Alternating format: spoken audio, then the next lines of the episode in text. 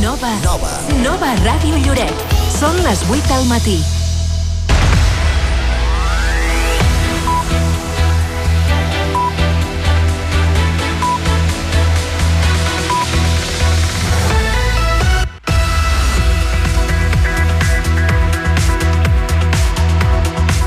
Molt bon dia a tothom. Avui sabrem com des de Waterwolf fan front a la situació de sequera.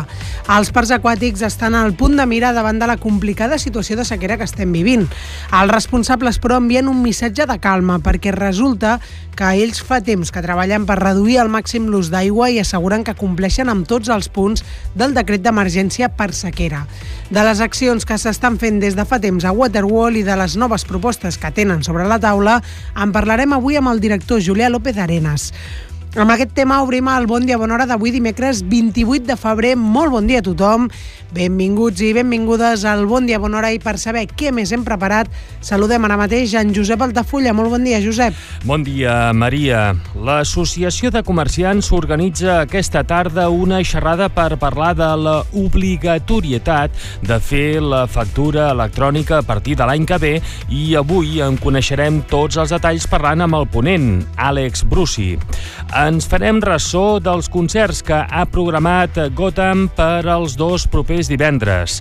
Demà passat actuarà al local eh, Jordi Évole amb la banda El Niño Jesús i la setmana que ve, 8 de març, serà el torn de Miris Way, que farà un tribut d'Alejandro Sanz en femení. Parlarem amb la cantant per saber com és l'actuació que ha preparat per al Dia de les Dones en aquest establiment lloretenc, al Gotham.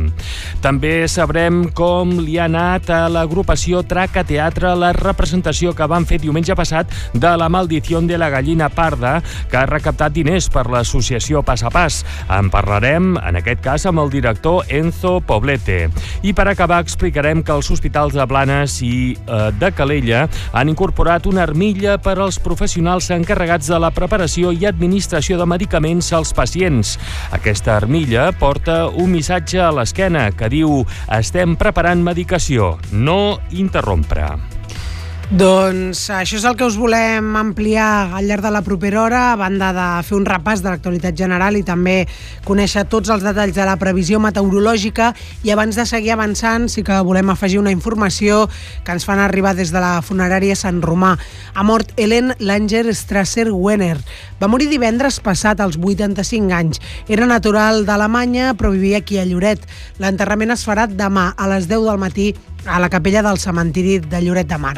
I fet aquest apunt, donem pas a una nova edició del Bon Dia Bona Hora amb Rosa Giral, Moisès Garcia i aquí en directe hi som Josep Altafulla i Maria Joan Comartí. Bon dia, bona hora. De dilluns a divendres, de 8 a 9 del matí.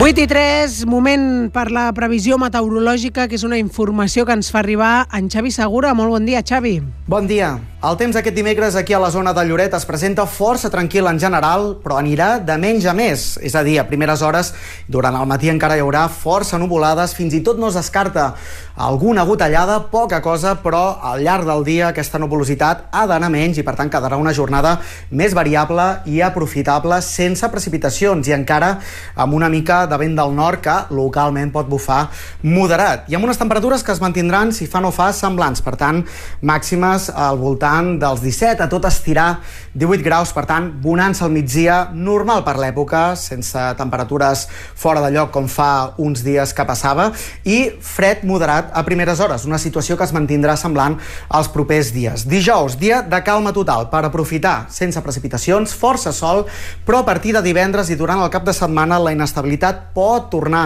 a anar més amb més nuvolositat, amb més nuvolades i també risc d'alguns ruixats, tot plegat molt irregular i seguim sense veure pluges generals i generoses a la vista, amb un ambient que seria una mica més fresc o fred que no pas el de dimecres o dijous. Moltes gràcies, Xavi. Prenem nota de tot plegat i afegim una dada. Ara mateix tenim 13 graus i la humitat força baixa per ser Lloret de Mar, amb un fort vent que bufa que déu nhi tenim ara 40%.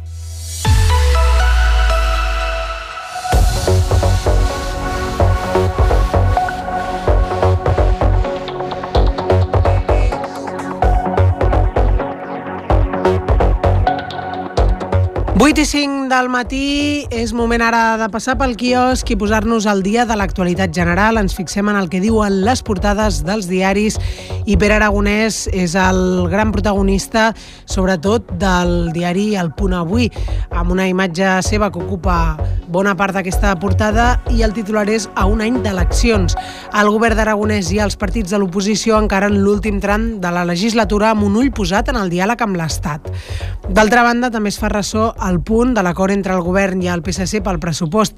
S'hi han inclòs 2 milions per la redacció del projecte del nou Hospital Josep Trueta.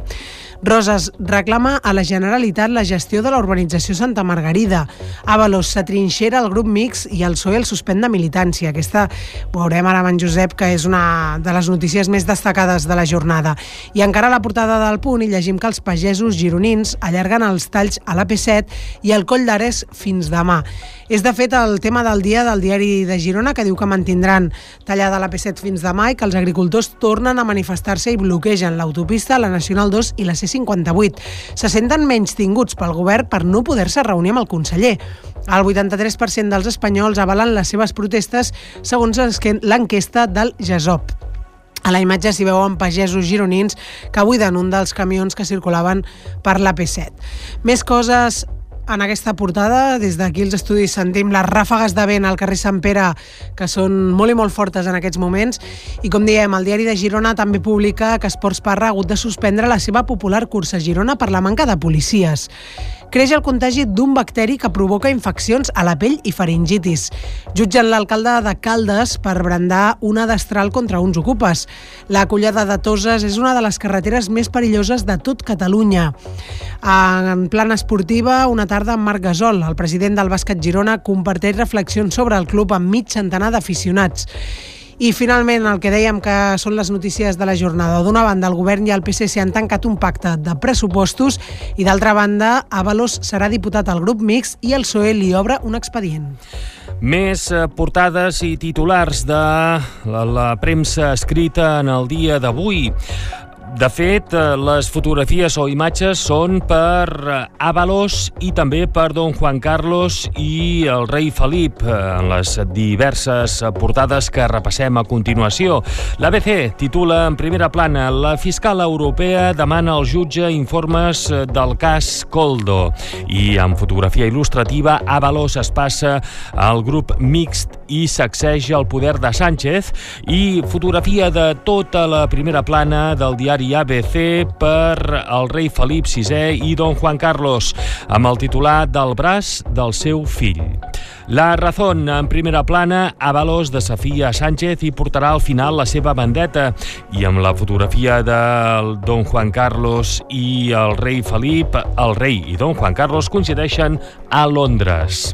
Més eh, primeres planes, la del País, Avalos obre un altre front, a Sánchez. A La Vanguardia, en primera plana, llegim que Sánchez afronta la seva major crisi en el PSOE amb l'expulsió d'Avalos. I la fotografia fotografia del rei Don Juan Carlos, el rei emèrit, i també el rei Felip VI.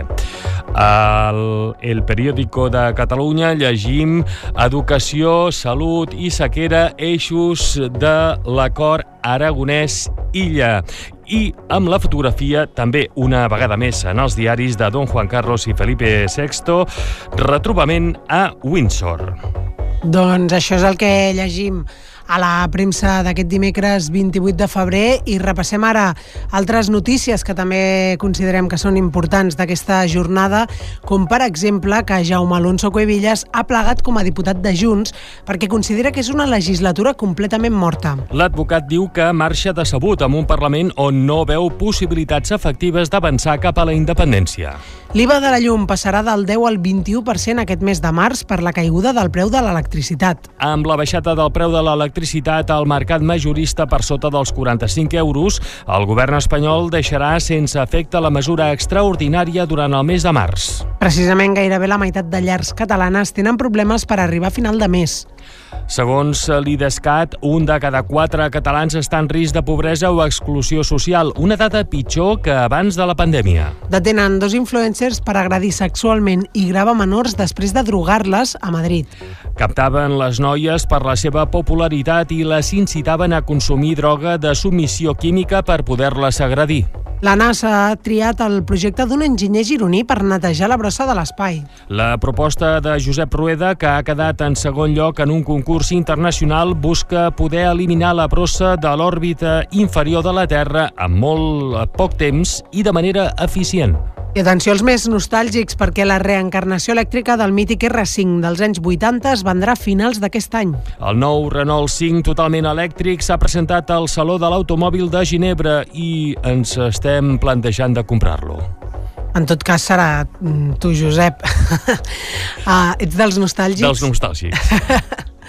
Uh, Marta Cortizas, del celler de Can Roca, ha estat escollida millor sommelier de Catalunya. Una dotzena d'experts en vins d'arreu del país han competit al concurs d'aquest any celebrat a Cervera. En plana cultural, tres dones més acusen el cineasta Carlos Bermud de violència sexual. Les tres dones han relatat al diari El País relacions sexuals d'extrema violència no consentides i manipulació psicològica.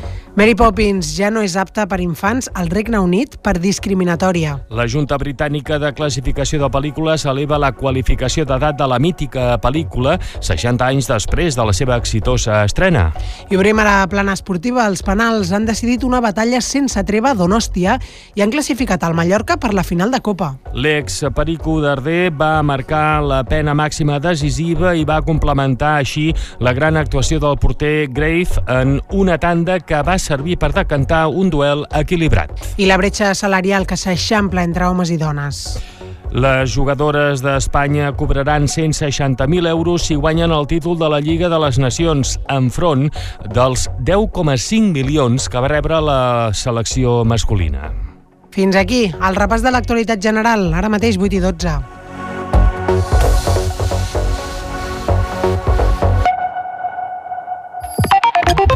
Arriben les rebaixes a la tienda de l'Olin. Renova el teu armari i no et perdis l'oportunitat de lluir espectacular aquesta temporada. Descobreix una àmplia selecció de roba, complements i també talles grans. Ens trobaràs als baixos del centre comercial Carabela.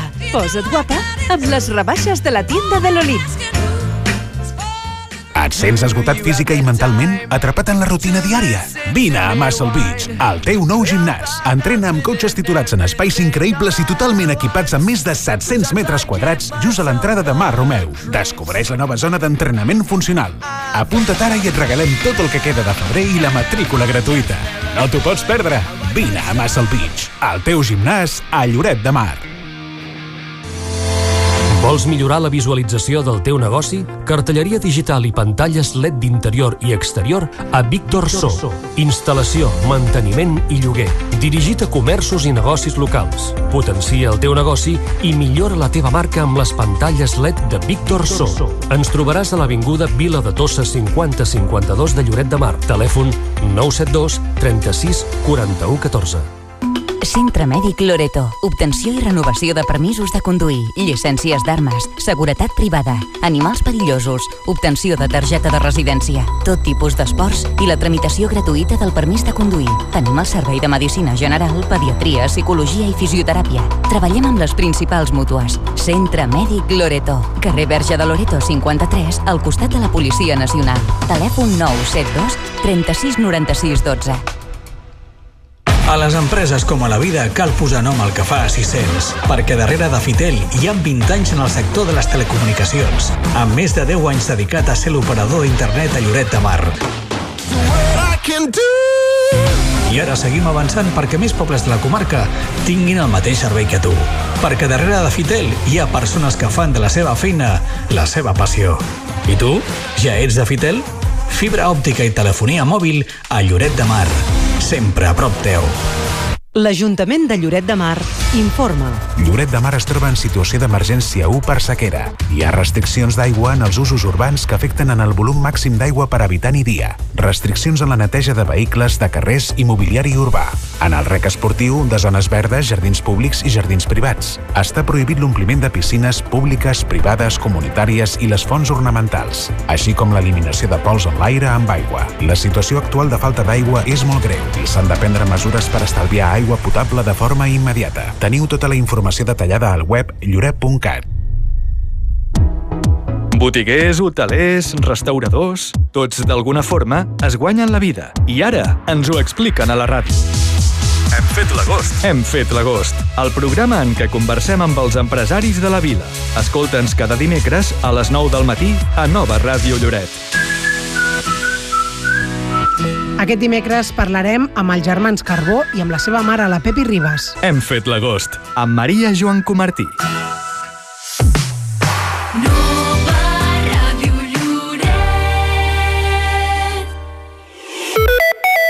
Bon dia, bona hora.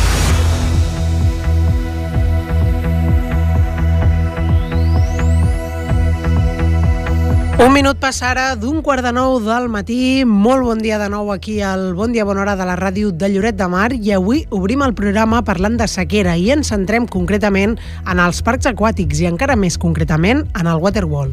Tot i que estan en el punt de mira perquè és un lloc on l'aigua és molt visible, els seus responsables envien un missatge de calma perquè resulta que ells fa temps que treballen per reduir al màxim l'ús d'aigua i asseguren que compleixen en tots els punts del decret d'emergència per sequera. Hem conversat amb el director del parc des de les oficines del parc mateix. Escoltem l'entrevista. Parlem amb el director del Waterwall, Julià López Arenas. Molt bon dia. Molt bon dia. Des de Waterwall, quina, què s'està fent per fer front a la sequera? No sé si ha, hagut, si ha canviat alguna cosa al pla d'emergència o si ja s'estava fent la feina en aquesta línia. Uh, és veritat que portem jo diria que des de 2018 prenent, eh, fent accions, portant a terme accions per tal que doncs, eh, l'aigua, el consum d'aigua ens, eh, ens, ens minori i en puguem estalviar. Perquè, tot i que hem entrat recentment en fase d'emergència, en fase 1 d'emergència, eh, nosaltres portem patint eh, la sequera des d'almenys 4 o 5 anys en, enrere, on eh, les nostres zones arbòries, a les masses de pins, doncs, patien estrès hídric. No? Això ja va començar a fer-nos pensar que es havien de portar a terme actuacions um, per, per, per haver de gastar menys aigua en el, en el parc, perquè on Waterwall fa més despesa d'aigua és justament en el rec de les àrees ajardinades. No? I per tant, aquí teníem molt camp eh, per, per córrer perquè Waterwall té molta zona ajardinada. Aleshores, què vàrem fer? Doncs vàrem començar a substituir rec d'aspersió per rec a gota a gota, eh, vàrem anar eliminant eh, zones de gespa ornamental que, en les quals la gent, els nostres visitants, no hi tenien accés, sinó simplement eren doncs, perquè el parc lluís més maco. Eh, vàrem substituir algun tipus de, de, de planta per d'altra doncs, que requeria menys eh, consum d'aigua. Per exemple, la flor de temporada, els que són eh, visitants habituals del parc hauran notat com en els darrers anys ha, des ha desaparegut. Hem optat per altres espècies doncs, més resistents i que, com us deia abans, demanden més aigua. Per tant, totes aquestes accions que no es poden fer de cop, perquè Waterworld són 140.000 metres quadrats, la major part d'ells doncs, eh, ajardinats, eh, volen temps, però són actuacions que hem accelerat eh, en els darrers eh, dos tres anys Eh, s'han complementat amb d'altres accions que aquestes sí són fruit del que seria el, el pla de sequera i el fet d'haver entrat en emergència fase 1. No? Eh, les més destacades són el fet d'optar en l'ampliació que estem portant a terme per no haver de fer masses d'aigua importants, per tant, haver de tenir menys eh, volum d'aigua en les recepcions dels nous tobogans, Um, I també, per suposat, doncs, el fet de reaprofitar les aigües del rentat de filtres que fins ara, eh, en el passat, s'abocaven en el clavegram i que a partir d'ara, amb l'adquisició d'un dipòsit de 30 metres cúbics, el que farem serà tractar-les per reaprofitar-les. No? En fase inicial les reaprofitarem per rec, però també poden ser reaprofitades per um, reemplenat de piscines i en un futur no massa llunyà, segurament per la temporada 25, també perquè les descàrregues de les cisternes dels uh, lavabos doncs vagin amb aigua uh, dels excedents de la neteja de filtres. No?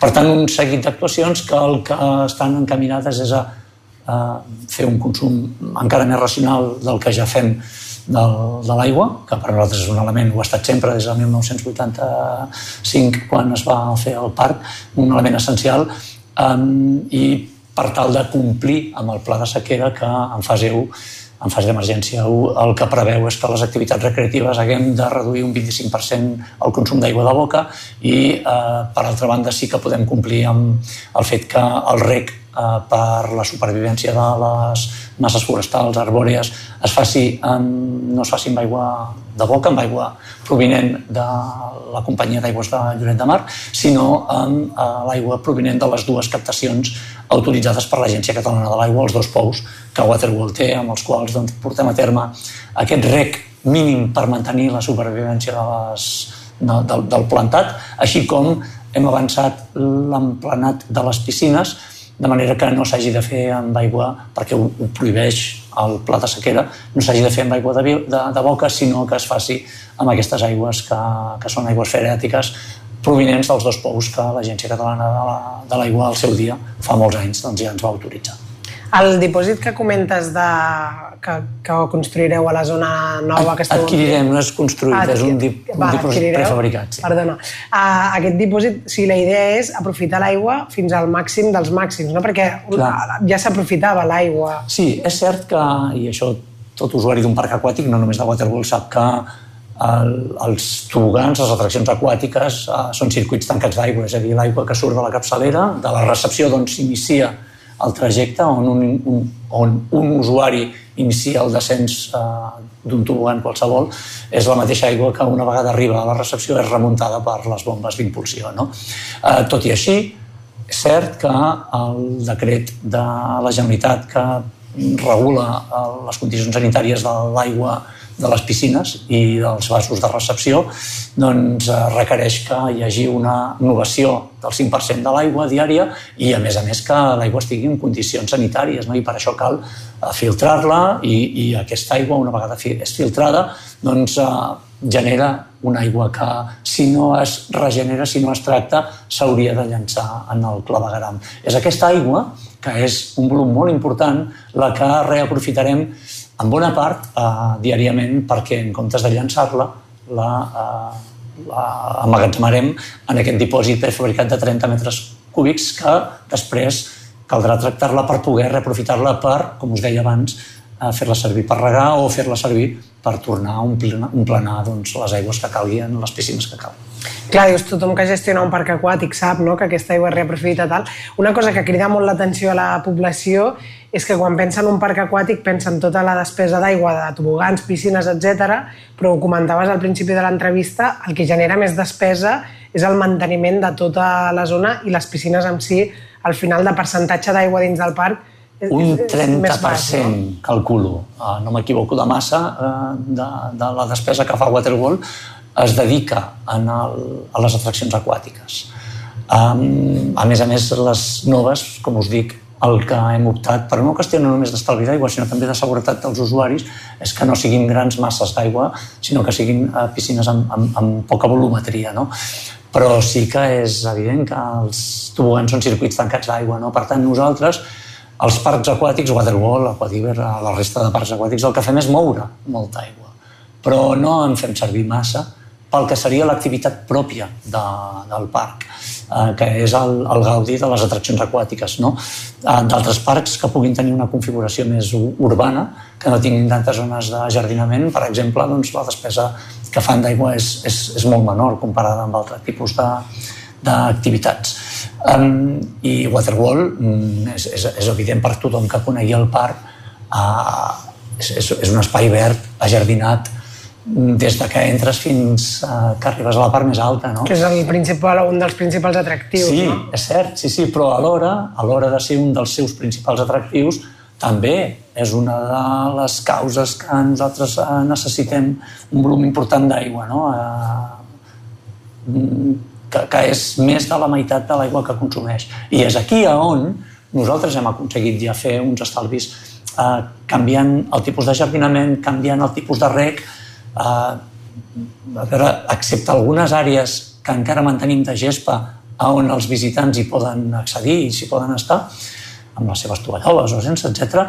La resta del rec de Waterwall ha deixat de ser per aspersió o per microaspersió. Ha passat a ser per gota a gota. Julià López Arenas, com a director de Waterwall, agraïm moltíssim totes aquestes explicacions. Moltes gràcies i molt bon dia. Gràcies a vosaltres per l'interès.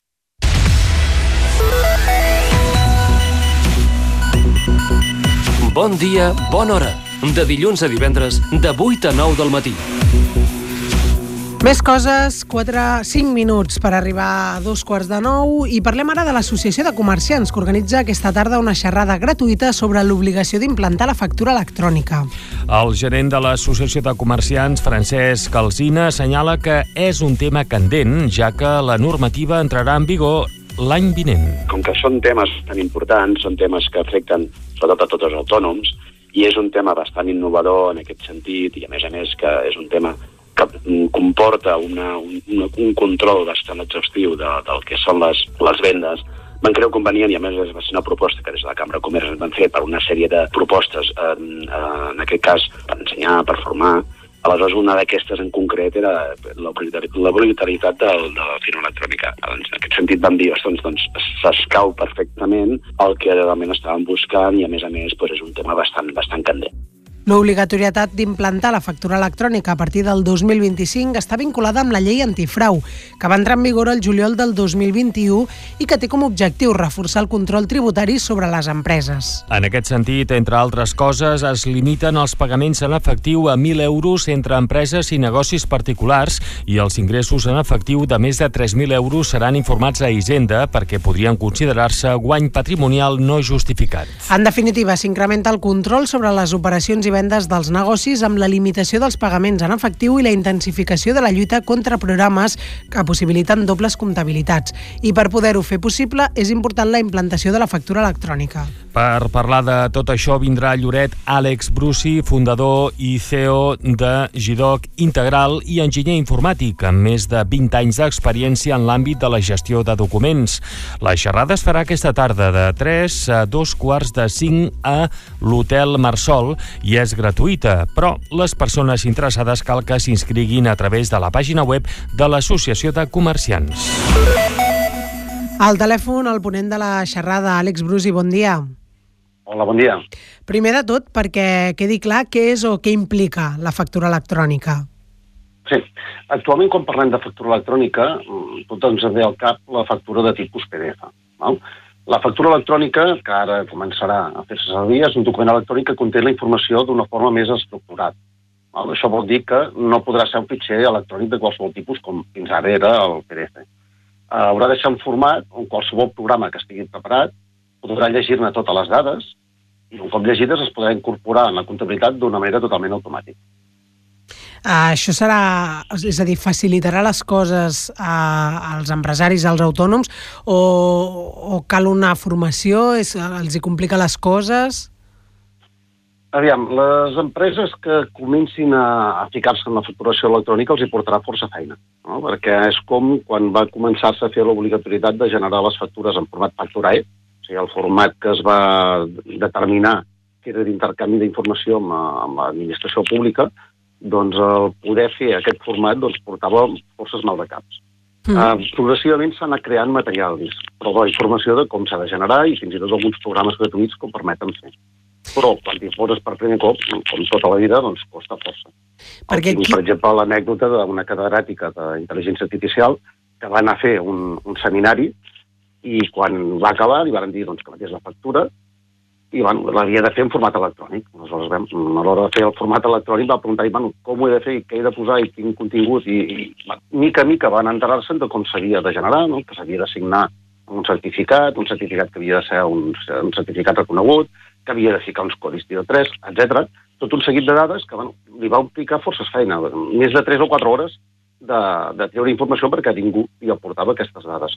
Aleshores, realment va acabar fent una factura que si hagués facturat el temps administratiu hauria estat superior al temps de la jornada que va realitzar. I això per una persona formada. Entenc que un cop uh, s'aprengui a fer servir sí que és una cosa àgil? O perquè tu, Correcte. tu com a expert, sí. Àlex, què, què creus? Creus que era necessària aquesta implantació o, mm, o complica Aviam, les coses? Agilitzarà molt la feina del dia a dia perquè a vegades hi ha, hi ha feines que et dediques només a picar dades, no? de mirar una factura, mirar la correcció i, i començar a introduir les dades que en aquell document ja hi són. Si aquest procés és automàtic i el temps de, de generació de saber que és correcte, que és una factura vàlida, és zero, doncs home, eh, simplificarà molt la feina. I hem de pensar que de cara a una inspecció fiscal, doncs l'auditor, si l'inspector, si veu que la factura, doncs la paraula factura, doncs no és vàlida. Si no hi ha el tip correctament posat del receptor o de l'emissor, tampoc és vàlida. Hi ha tot un seguit d'aspectes que tots tenim clars que hi ha de ser, però que el dia a dia, quan comptabilitzem una factura que hem rebut d'un proveïdor, a vegades no ens parem a mirar-ho. I això pot implicar doncs, una sanció.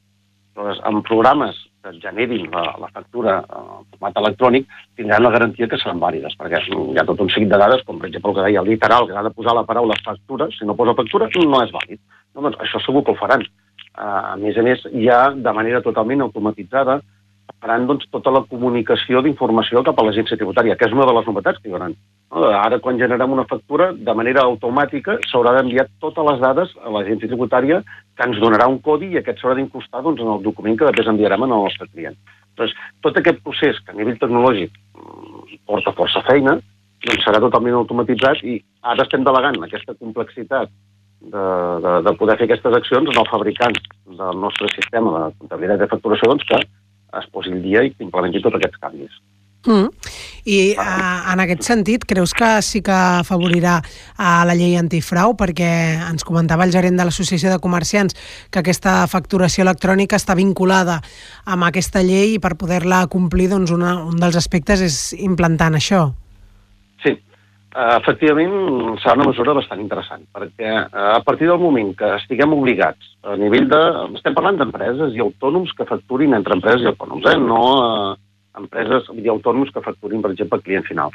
Doncs a partir del moment que nosaltres la factura l'hem d'enviar directament a l'agència tributària i hem de notificar quina previsió de pagament hi haurà, i en tot moment hem d'anar informant a l'agència tributària de l'estat de, de pagament i per part del receptor l'estat de cobrament, doncs, ostres, podem tenir l'ús totalment controlat de, de l'estat de morositat de les factures. O sigui, no es podrà tenir morositat. A més a més, ja, ja està regulat que en cas que no es pagui quan toca, doncs no podràs accedir a subvencions, eh, hauràs de publicar els teus ratis de solvència en quant a pagaments, etc. I això a pàgines web o d'altres mitjans que han indicat. Mm. La, la morositat realment baixarà moltíssim. I qui haurà de fer aquesta factura electrònica exactament a partir de l'any que ve? Sí, eh, tota empresa que tingui relacions amb d'altres empreses, el que se'n diu el B2B, val? i després alguns supòsits de B2C, no? que serien ja d'altres casos de, de, de vendes, per exemple, tot el que es vengui per internet doncs s'haurà de fer, val? i diferents supòsits que hi ha. Doncs de tot això en parlaràs avui a la xerrada aquesta tarda a l'Hotel Marsol.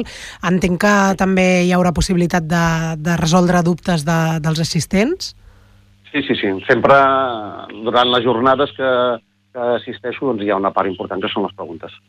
Doncs Àlex Brusi, moltíssimes gràcies per respondre a les nostres preguntes, per fer-nos una pinzellada de què implica aquesta factura electrònica i recordem que avui a les 3 de la tarda a l'Hotel Marsol hi ha aquesta xerrada gratuïta organitzada per l'Associació de Comerciants per ampliar tota aquesta informació. Moltíssimes gràcies i molt bon dia. Moltes gràcies a vosaltres. Estàs escoltant l'informatiu matinal Bon dia, bona hora. Ara mateix passen 3 minuts de dos quarts de nou.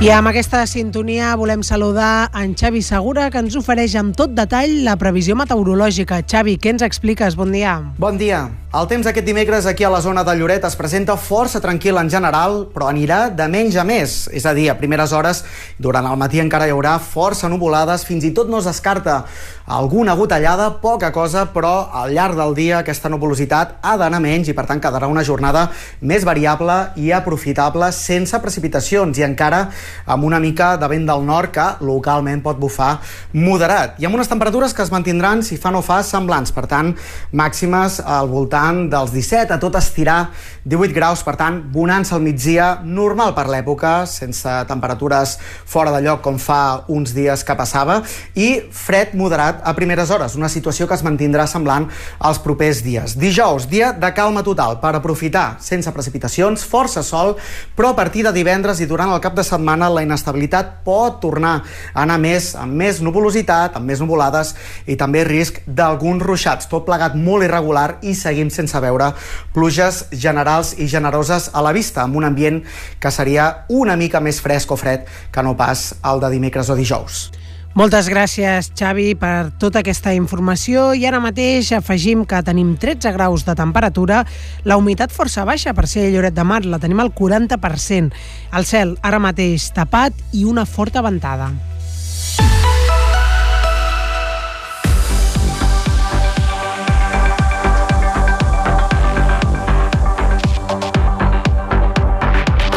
I avui, que és dimecres 28 de febrer, volem saber quina és l'actualitat general de la jornada. Passant ara 5 minuts de dos quarts de nou i fem un repàs del que destaquen les portades. En el cas del punt avui, el titular principal diu a un any d'eleccions. El govern de Pere Aragonès i els partits de l'oposició encara en l'últim tram de la legislatura amb un ull posat en el diàleg amb l'Estat. També en plana política, acord entre el govern i el PSC pel pressupost. S'hi han inclòs 2 milions per la redacció del projecte del nou Hospital Josep Trueta. D'altra banda, els pagesos gironins allarguen els talls a l'AP7 i el Coll d'Ares fins demà i a Valós trinxera el grup mix i el PSOE el suspèn de militància. Són titulars que trobem en general també a la portada del diari de Girona on la imatge principal és per pagesos gironins buiden un dels camions que circulaven per l'AP7 i destaca això, que els talls es mantindran fins demà. Tornen a manifestar-se i bloquegen l'autopista, la Nacional 2 i la C58. Se senten menys tinguts pel govern per no poder-se reunir amb el conseller. També diu el diari de Girona que el 83% dels espanyols avalen les seves protestes segons l'enquesta del GESOP. D'altra banda, Esports Parra suspèn la seva popular cursa a Girona per la manca de policies.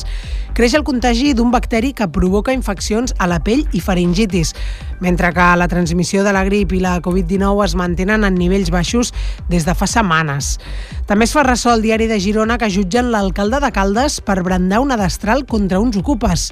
La collada de Toses és una de les carreteres més perilloses de tot Catalunya. El diari de Girona es fa ressò també de la trobada del president del bàsquet Girona, Marc Gasol, amb una cinquantena d'aficionats de l'entitat i, com dèiem, les notícies de la jornada en àmbit més general, doncs el govern i el PSC han tancat un pacte de pressupostos i a nivell estatal Avalos serà diputat al grup mixt i el PSOE li obre un expedient. Més titulars de la jornada amb fotografies il·lustratives, avui protagonistes Avalos i el rei emèrit i el rei actual.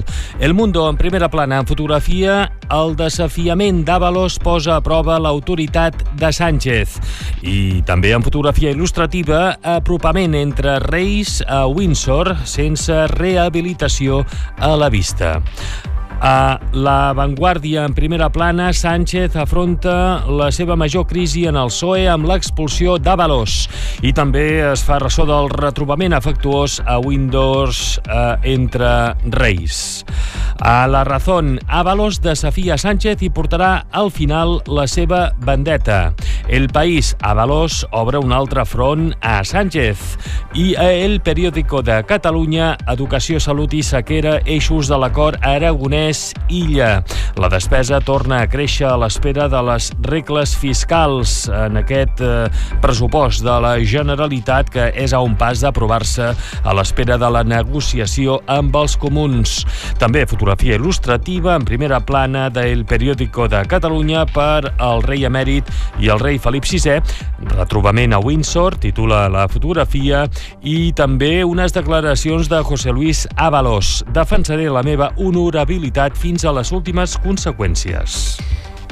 I fet aquest repàs de les portades, destaquem també altres notícies, com per exemple que Jaume Alonso Cuevillas plega com a diputat de Junts perquè considera que és una legislatura completament morta. L'advocat diu que marxa decebut amb un Parlament on no veu possibilitats efectives d'avançar cap a la independència. També és notícia que l'IVA de la llum passarà del 10 al 21% aquest mes de març per la caiguda del preu de l'electricitat. Amb la baixada del preu de l'electricitat al mercat majorista per sota dels 45 euros, el govern espanyol deixarà sense efecte la mesura extraordinària durant el mes de març. Veurem què és el que passa d'ara en endavant.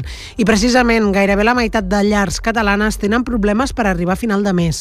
Segons l'IDESCAT, un de cada quatre catalans està en risc de pobresa o exclusió social, una dada pitjor que abans de la pandèmia. Detenen dos influencers a Madrid per agredir sexualment i gravar menors després de drogar-les.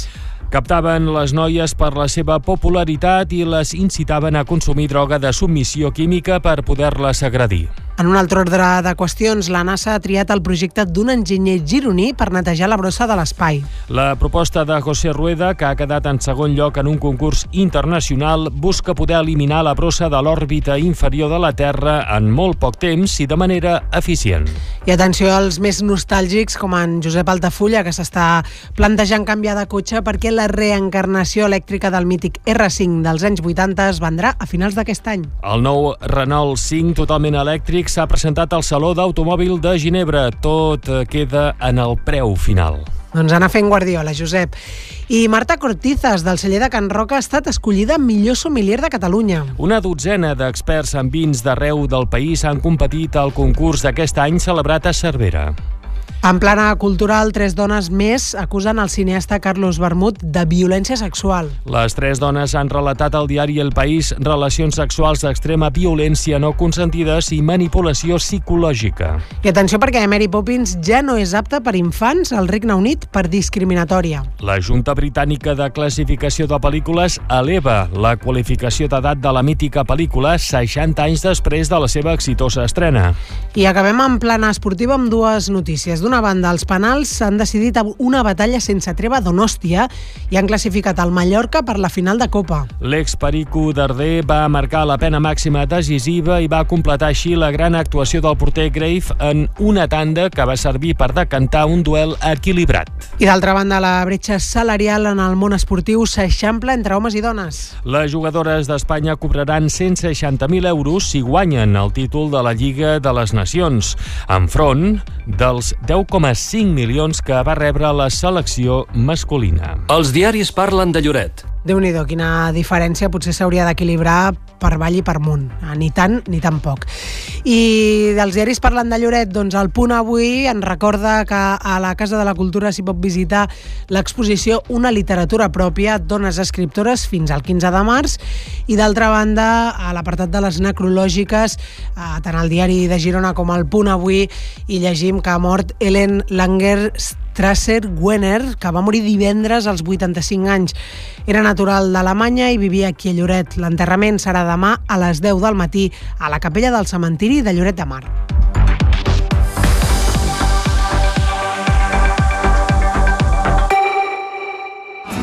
Oh,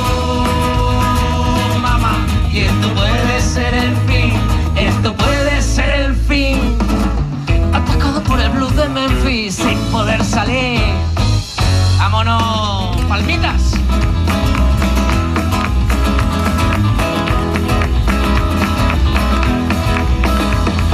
Mona intentó mantenerme lejos de los ferroviarios. No sabes, le dije que se bebe en tu sangre como el vino ordinario. Yo le dije que no lo sabía, pero después tirando del hilo me acordé de aquel que una vez me dio un puñetazo en todo el cigarrillo. Doncs sí, aquest que estem escoltant és Jordi Évole amb la banda Los Niños Jesús. El mediàtic periodista fa un temps que puja als escenaris per fer versions de tot tipus i aquest divendres serà a Gotham Lloret. En una entrevista que el diari La Vanguardia va penjar a les xarxes socials, Jordi Évole explica que tot va començar de manera molt informal entre un grup d'amics que quedaven per passar-s'ho bé. Cuando los padres de un amigo se iban de casa y todo ese fin de semana te lo pasabas en casa de ese amigo, pues un poco esta es la casa donde nadie nos controla. Porque nosotros venimos aquí a, a- es que a echar el rato.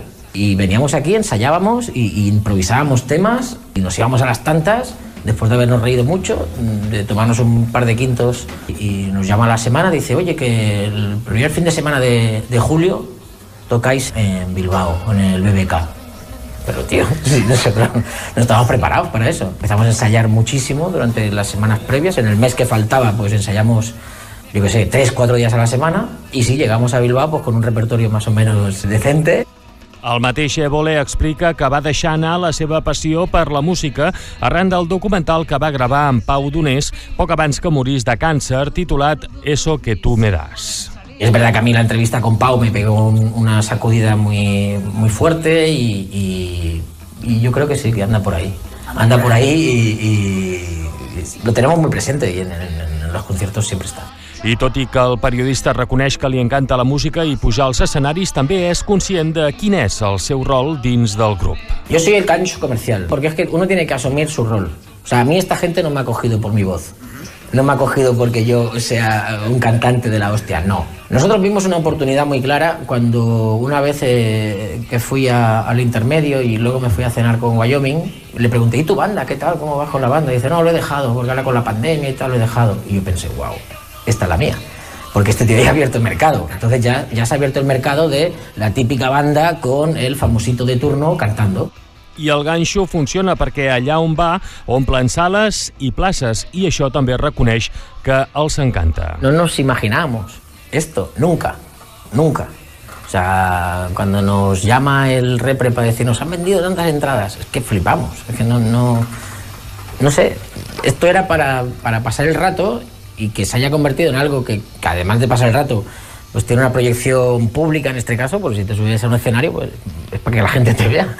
Pero no pensábamos que, que fuese a venir nadie, ni mucho menos. El concert de Jordi Évole i Los Niños Jesús es farà la nit de divendres a dissabte a partir d'un quart d'una de la matinada. Les entrades es poden comprar a través del web entradium.com. I de Jordi Évole passem a Alejandro Sanz, però en femení.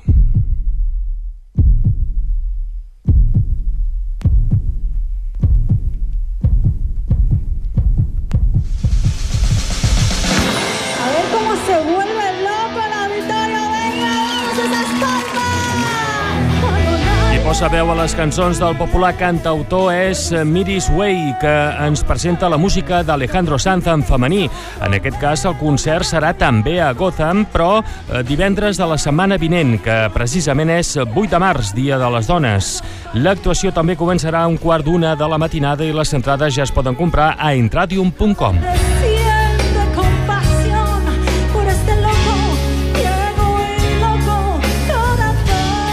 Tenim al telèfon precisament a Miris Way en el Bon Dia, Bona Hora. Què tal? Bon dia. Hola. Hola, bon dia. Com són els concerts de Miris Way?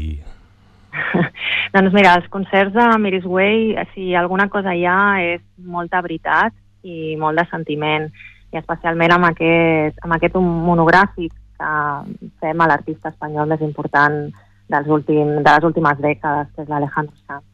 Per què l'Alejandro Sanz? Per què fer versions d'ell? Doncs mira, um, jo sempre he, he, he pensat que m'he fet gran amb ell, no? amb la seva música.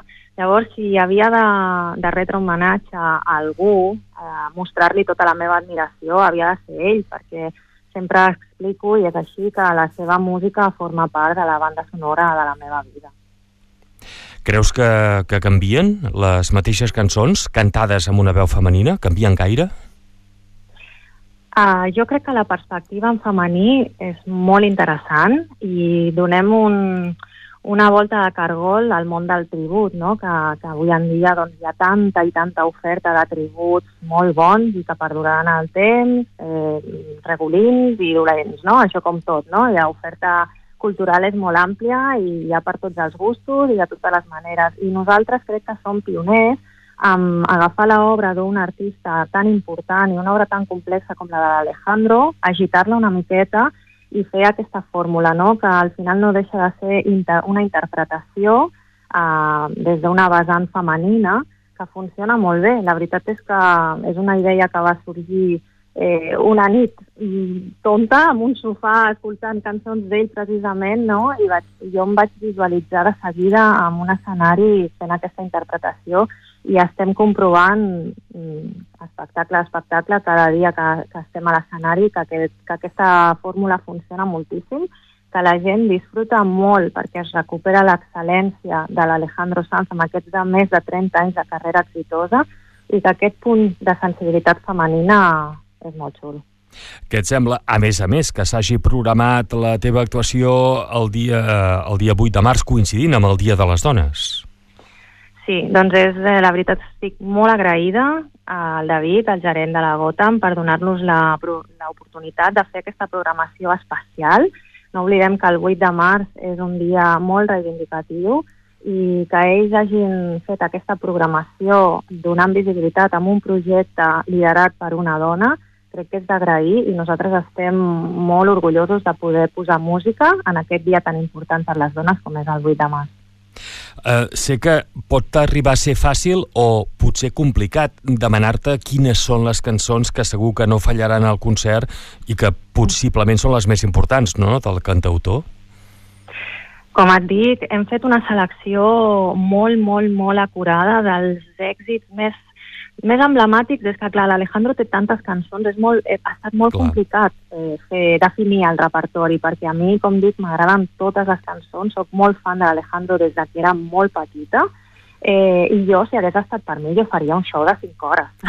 Però els músics no, em- no em deixen i els empresaris de les sales tampoc. Llavors, hem hagut de filar molt prim i sí, hi ha alguns temes molt imprescindibles que no podien fallar i, bueno, us puc dir, doncs, per exemple, I si fuera ella, no?, que és una joia de la cançó i la resta de, de hits, doncs jo us animo i us engresco a que vingueu a veure'ns el dia 8 de març a la sala Gotham, que estarem allà donant tot l'amor i tot el respecte per l'Alejandro i per tota la gent que vingui a compartir-ho amb nosaltres.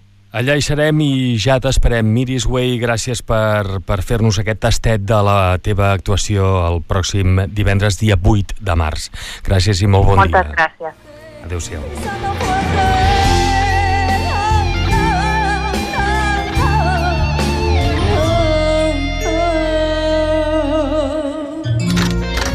Visita guiada a l'ermita de Santa Cristina i el seu paratge natural. L'ermita s'obre al públic per mostrar el valor del patrimoni i l'estat del seu manteniment. Aparcament gratuït. Visita guiada aquest dissabte a dos quarts de dotze del matí. Cal reserva prèvia al web tiquets.lloretdemar.org. Visita guiada a càrrec de l'obreria de Santa Cristina. Perquè Santa Cristina és nostra. Bon dia, bona hora. De dilluns a divendres, de 8 a 9 del matí.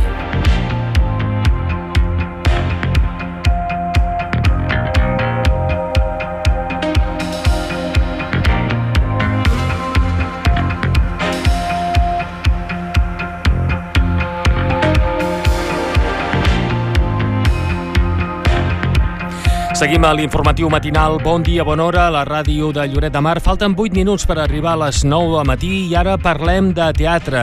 Traca Teatre ja ha debutat als escenaris. Aquest diumenge la nova agrupació teatral s'ha estrenat amb la representació de La maldició de la gallina parda.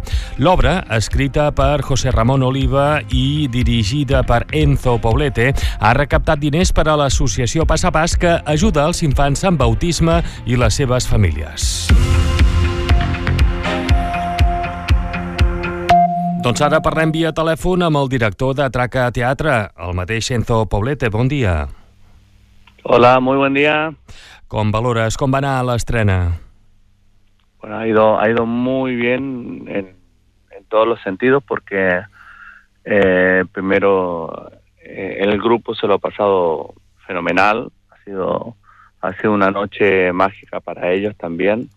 Eh, al ser su, su primera representación, pero sobre todo porque el público se, se ha animado a venir, a disfrutar y sobre todo a, a colaborar.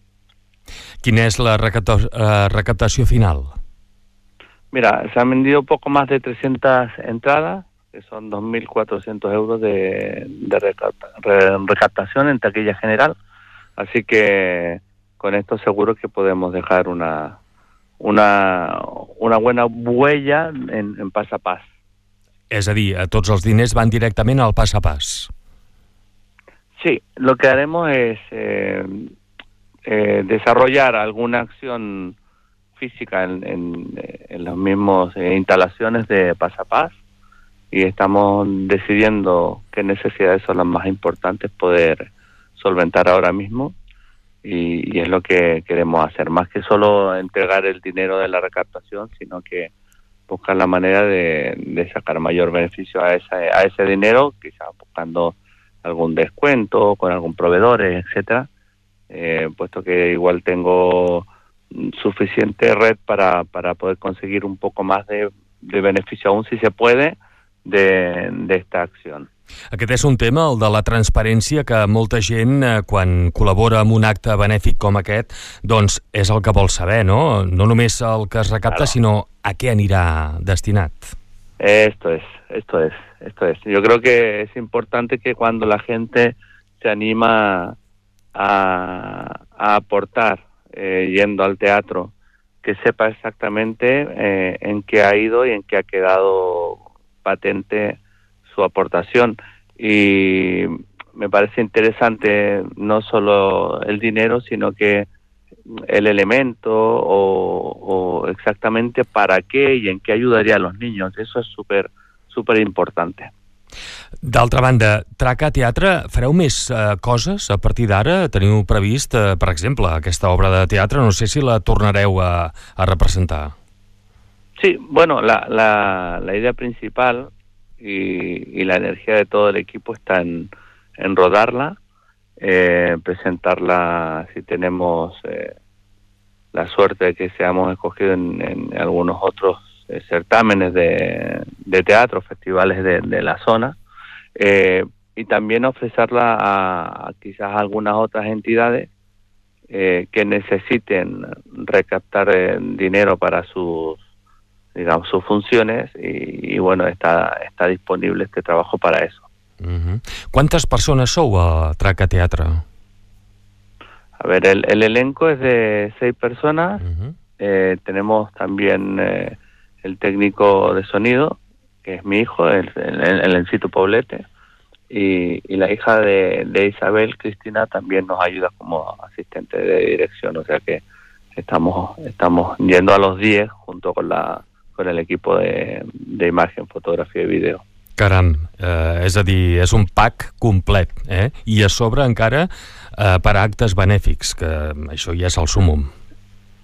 Eh, es que la idea, cuando pensemos que, que lo que explicábamos la otra vez, que es un grupo que nace de un taller de teatro, de Teatreando, es un grupo de personas, la gran mayoría, descontando por supuesto la, a la, a la Cristina, hablamos de, de los intérpretes, eh, son todos eh, de iniciación, es su, su primera vez.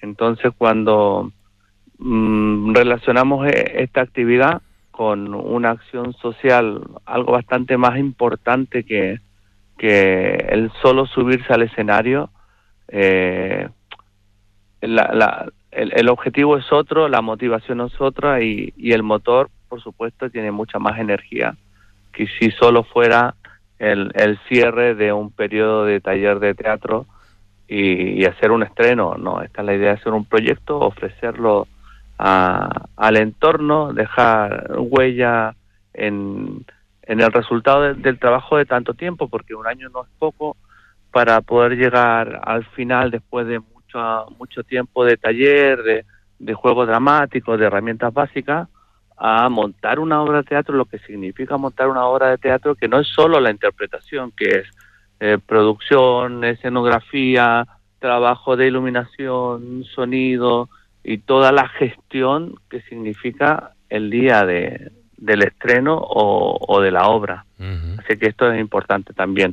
Y si todo esto lo dejamos solo para que lo disfruten de algunas personas por el mero hecho de ver una obra de teatro, creo que se queda desdibujado y, y siempre la, la, acción social y colaborar con, con, los demás y con tu entorno creo que és eh, la mejor motivació que hemos podido tener ahora. I tant.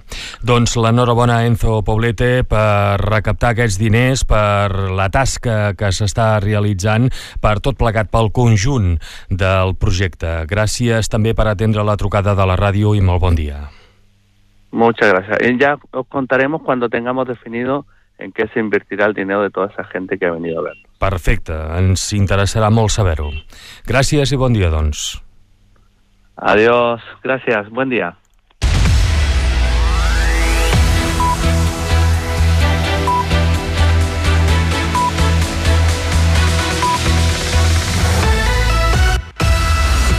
Un minut en punt per arribar a les 9 del matí i ens acomiadem el bon dia, bona hora. Ens ha quedat una informació que al llarg dels butlletins del dia ampliarem. Es tracta de que els hospitals de Blanes i de Calella han incorporat una armilla pels professionals encarregats de la preparació i administració de medicaments als pacients. Una armilla que porta un missatge a l'esquena i que diu estem preparant medicació no interrompre.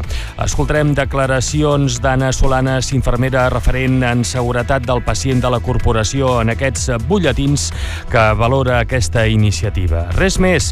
Ara us deixem amb el programa Hem fet l'agost amb la nostra companya Maria Joan Comartí a partir de les 9 del matí d'aquí uns segons. Demà hi tornem a les 8. Adéu-siau. Bon dia, bona hora. De dilluns a divendres, de 8 a 9 del matí.